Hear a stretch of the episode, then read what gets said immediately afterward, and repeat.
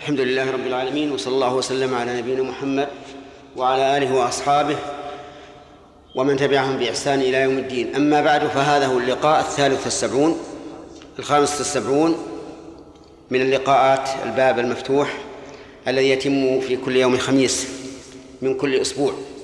وهذا هو الخميس الثامن من شهر جماد الأولى عام خمسة عشر وأربعمائة وألف.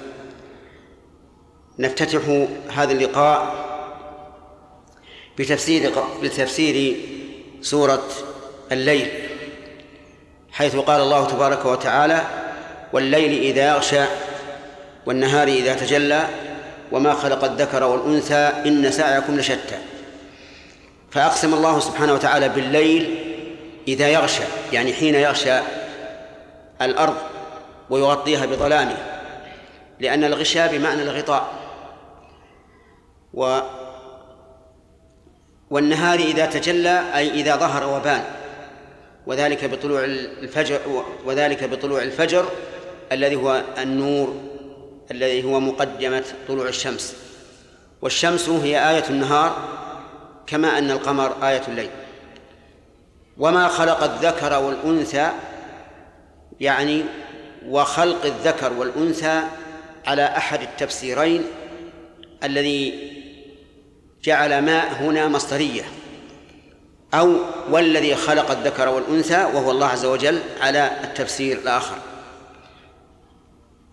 فعلى المعنى الأول يكون يكون الله سبحانه وتعالى أقسم بخلق الذكر والأنثى وعلى الثاني يكون الله تعالى أقسم بنفسه لأنه هو الذي خلق الذكر والأنثى. إن سعيكم لشتى يعني إن عملكم لشتى أي لمتفرق تفرقا عظيما. فأنت ترى الآن أن الله أقسم بأشياء متضادة. على أشياء متضادة. الليل ضد النهار الذكر ضد الأنثى السعي متضاد صالح وسيء. فتناسب المقسم به والمقسم عليه وهذا من بلاغة القرآن. فكأن الله عز وجل يقول إن اختلاف الليل والنهار والذكر والأنثى أمر ظاهر لا يخفى فكذلك الأعمال أعمال العباد متباينة متفاوتة منها الصالح ومنها الفاسد ومنها ما يج... ما يخلط صالحا وفاسدا كل ذلك بتقدير الله عز وجل. والله يهدي من يشاء إلى صراط مستقيم. ثم فصل هذا السعي المتفرق فقال فأما من أعطى واتقى وصدق بالحسنى فسنيسره لليسرى. أما من أعطى أي أعطى ما أمر بإعطائه من مال أو جاه أو علم واتقى اتقى ما أمر باتقائه من المحرمات وصدق بالحسنى أي صدق بالقولة الحسنى وهي قول قول الله عز وجل وقول رسوله لأن أصدق الكلام وأحسن الكلام كلام الله عز وجل. فسنيسره لليسرى السين هنا للتحقيق. أي أن من أعطى واتقى وصدق بالحسنى فسيسره الله عز وجل لليسرى في أموره كلها في أمور دينه ودنياه. ولهذا تجد أيسر الناس عملا هو من اتقى الله عز وجل من أعطى واتقى وصدق بالحسنى. وكلما كان الإنسان أتقى لله كانت أموره أيسر له. قال الله تعالى ومن يتق الله يجعل له من أمره يسرا.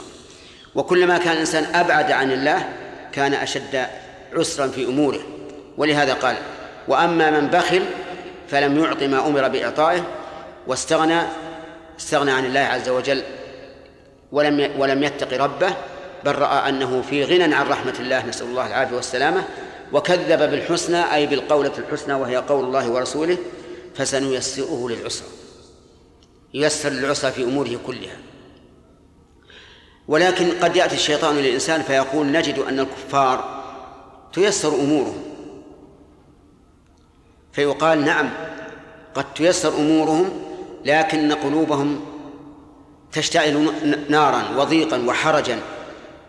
كما قال تعالى ومن يريد أن يضله يجعل صدره ضيقا حرجا كأنما يصعد في السماء. ثم ما ينعمون به فهو تنعيم جسد فقط لا تنعيم روح. ثم هو أيضا وبال عليهم. لقول الله تعالى والذين كفروا سنستدرج نعم. لقول الله تعالى فيهم سنستدرجهم من حيث لا يعلمون وأملي لهم إن كيدي متين. وقال النبي صلى الله عليه وعلى آله وسلم إن الله لا يملي للظالم حتى إذا أخذه لم يفلته وتلا قوله تعالى وكذلك أخذ ربك إذا أخذ القرى وهي ظالمة إن أخذه أليم شديد. وهؤلاء عجلت لهم طيباتهم في حياتهم في حياتهم الدنيا. ومع ذلك فإن فإن هذه الدنيا جنة لهم. بالنسبة للآخرة. وقد ذكروا عن ابن حجر العسقلاني شارح البخاري بالشرح الذي سماه فتح الباري وكان قاضي القضاة في مصر أنه مر ذات يوم وهو على عربته تجره البغال والناس حوله مر برجل يهودي سمان يعني يبيع السمن والزيت. وتعلمون أن بياع السمن والزيت تكون ثيابه وسخة وحاله سيئة. فأوقف العربة وقال لابن حجر إن نبيكم يقول الدنيا سجن المؤمن وجنة الكافر. فكيف أكون أنا بهذه الحال وأنت بهذه الحال؟ فقال له ابن حجر على البديهة أنا في سجن. بالنسبة لما أعد الله تعالى للمؤمنين من الثواب والنعيم. لأن الدنيا بالنسبة للآخرة ليست بشيء كما قال النبي صلى الله عليه وعلى آله وسلم لموضع صوت أحدكم في الجنة خير من الدنيا وما فيها. ف وأما أنت يقول لليهودي فأنت في جنة بالنسبة لما أعد لك من العذاب إن مت على الكفر. فاقتنع بذلك اليهودي وصار ذلك سببا في إسلامه وقال أشهد أن لا إله إلا الله وأن محمدا رسول الله. ثم قال عز وجل وما يغني عنه ماله إذا تردى. يعني أي شيء يغني عنه ماله إذا بخل به وتردى هو أي هلك أي شيء يغني المال؟ لا يغني شيئا.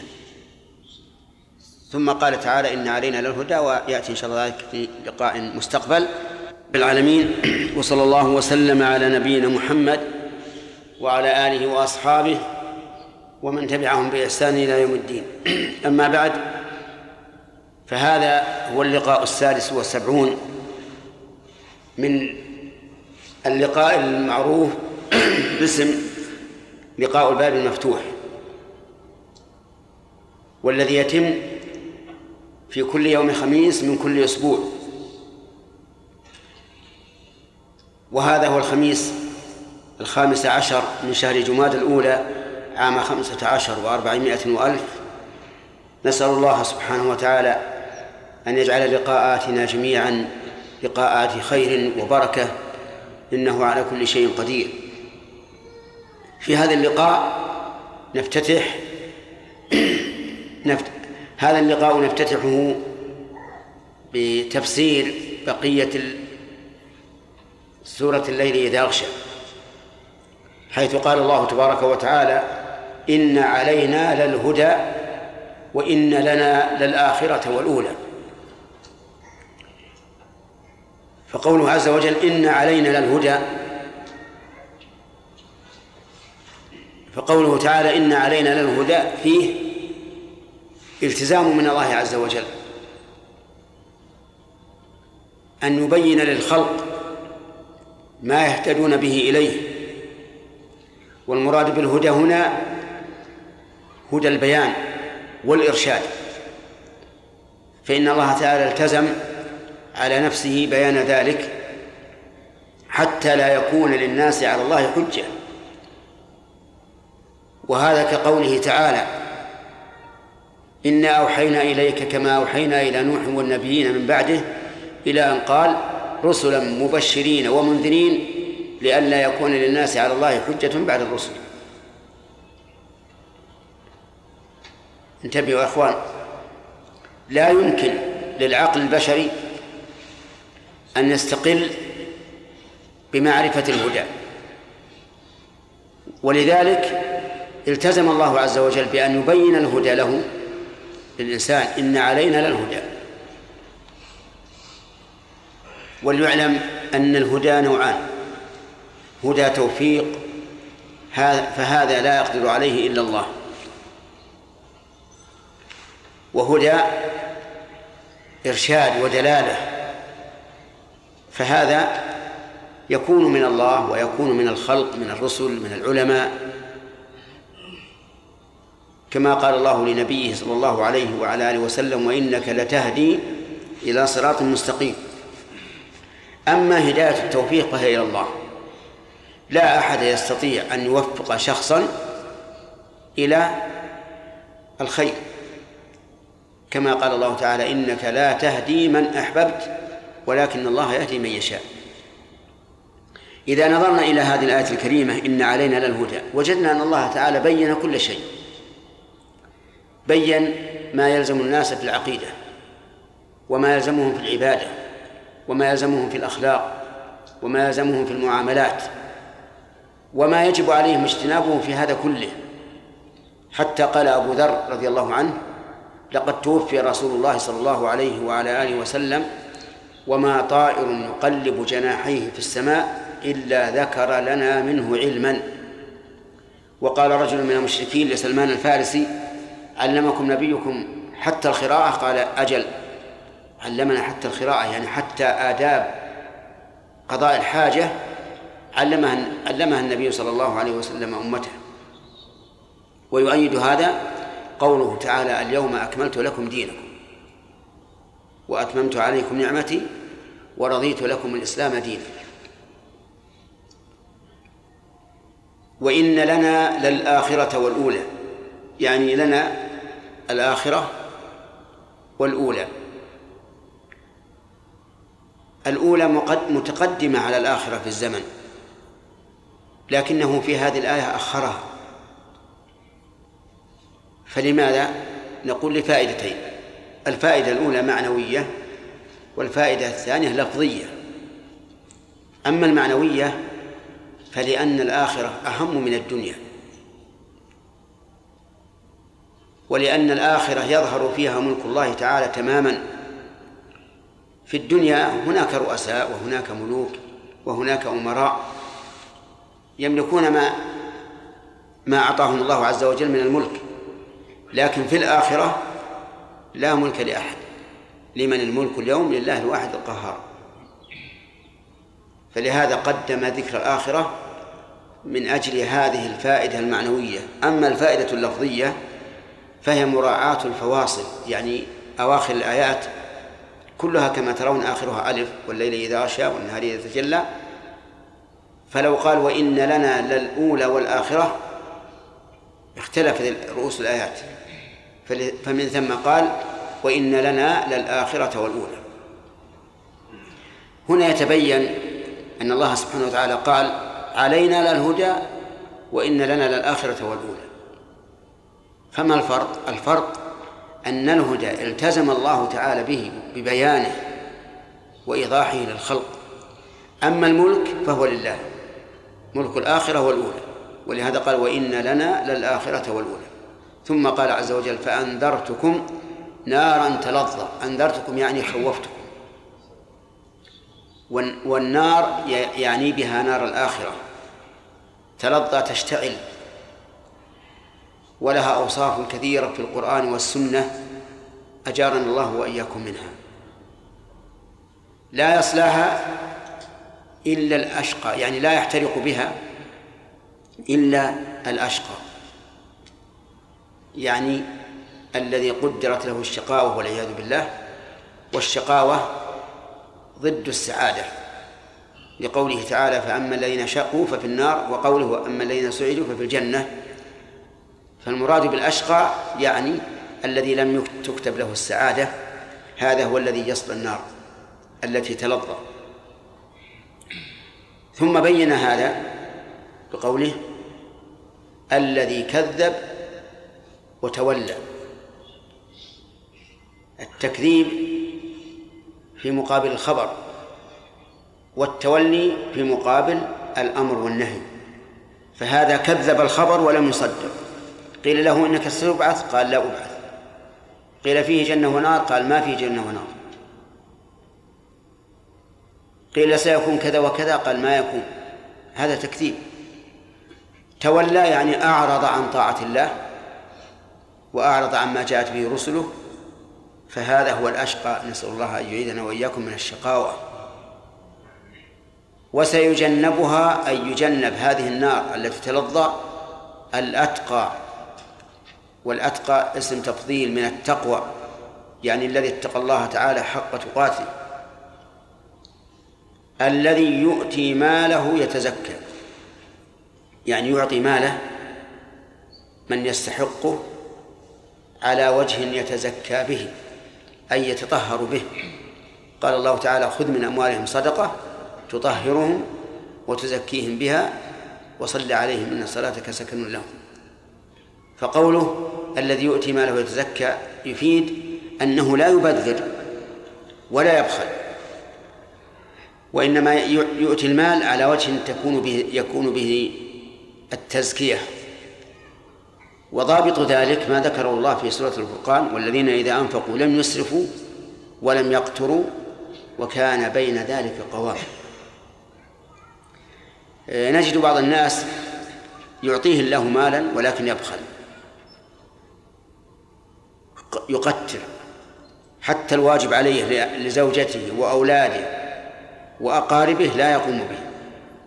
ونرى بعض الناس قد آت قد قدر الله عليه الرزق وضيق عليه بعض الشيء ومع ذلك يذهب يتدين من الناس من أجل أن يكمل بيته حتى يكون مثل بيت فلان وفلان أو من أجل أن يشتري سيارة فخمة كسيارة فلان وفلان. وكلا المنهجين والطريقين منهج باطل.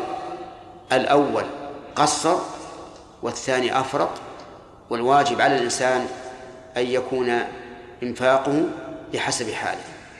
يؤتي ماله يتزكى فإن قال قائل هل يجوز أن يتدين الإنسان ليتصدق؟ فالجواب لا. لأن الصدقة تطوع والتزام الدين خطر عظيم. لأن الدين ليس بالأمر الهين.